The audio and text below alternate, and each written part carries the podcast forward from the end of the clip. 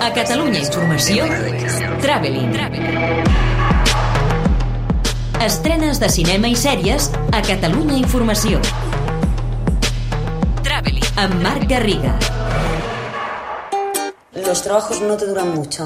Ya, eh, es que todavía no he encontrado algo que sea compatible con lo mío. El 2013, l'escriptora valenciana Elisabet Benavent, coneguda a les xarxes com Beta Coqueta, s'autopublicava en Los zapatos de Valeria. La gran acollida que va obtenir la va portar a fitxar per Penguin Random House. Valeria es va convertir en una saga, ha venut gairebé mig milió d'exemplars i ara Netflix estrena aquest divendres l'adaptació a la petita pantalla. A més, tres de les quatre protagonistes són catalanes. Valeria, per exemple, una escriptora jove, en crisi, que busca inspiració i que té un matrimoni que fa aigües, és la igualadina Diana Gómez, a qui hem vist, per exemple, al Crac o a la Casa de Papel i que en declaracions a Catalunya Informació es mostrava així d'il·lusionada. Com ho estic vivint? Molt nerviosa, però molt emocionada. Crec que estic molt agraïda de que finalment es pugui estrenar perquè sé d'altres projectes que s'havien d'estrenar ara al maig i que es van quedar en la postproducció i en el nostre cas doncs, és una alegria que es pugui estrenar.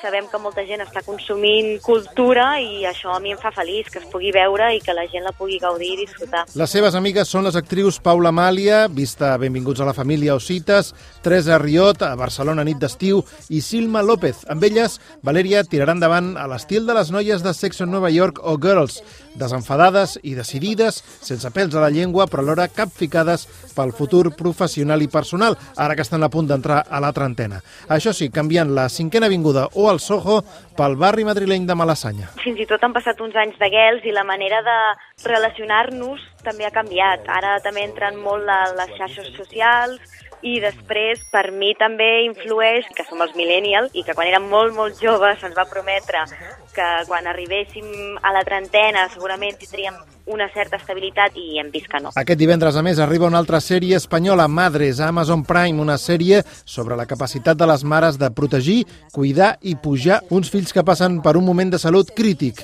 Està dirigida per quatre dones, Roser Aguilar, Marolit, Abigail Schaff i Juana Macías, i protagonitzada per Belén Rueda i Aida Folk. Are you uncomfortable about remembering the past? HBO presenta dilluns La innegable verdad, un vehicle per al lluïment de l'actor Mark Ruffalo, el Hulk de l'univers Marvel, però alhora un dels actors més cotitzats del cinema independent, nominat tres cops a l'Oscar al millor secundari. Aquí demostra les seves habilitats i aconsegueix construir una de les seves millors actuacions, a més per partida doble, perquè dona vida a dos germans bessons. Un és un pintor de cases, divorciat i en la crisi dels 40, que sempre s'ha cuidat de l'altre, un esquizofrènic paranoic. Un drama molt molt dramàtic, potser massa per aquests temps, dirigit per Derek Gianfrans, que també ens va fer plorar a Blue Valentine o La llum entre els oceans. Les altres dues sèries internacionals destacades d'aquests dies són The Eddie, a Netflix, des de divendres, la sèrie musical de Damien Chazelle, el director de La La Land i Whiplash, ubicada a París i amb el món del jazz com a rarafons, no tan bona com les seves dues primeres pel·lícules. I Sanditon, una nova adaptació d'un drama d'època escrit per Jane Austen que arriba dimarts a Filmin.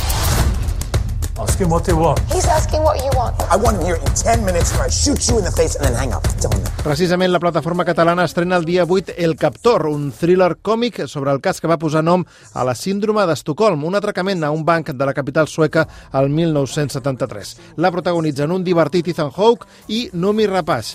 També aquests dies arriben a diverses plataformes films molt recomanables i personals com Belfaro o Solo nos queda bailar i altres de tan obviables com Domino, tot i tenir Jamie Lannister com a reclam. Traveling.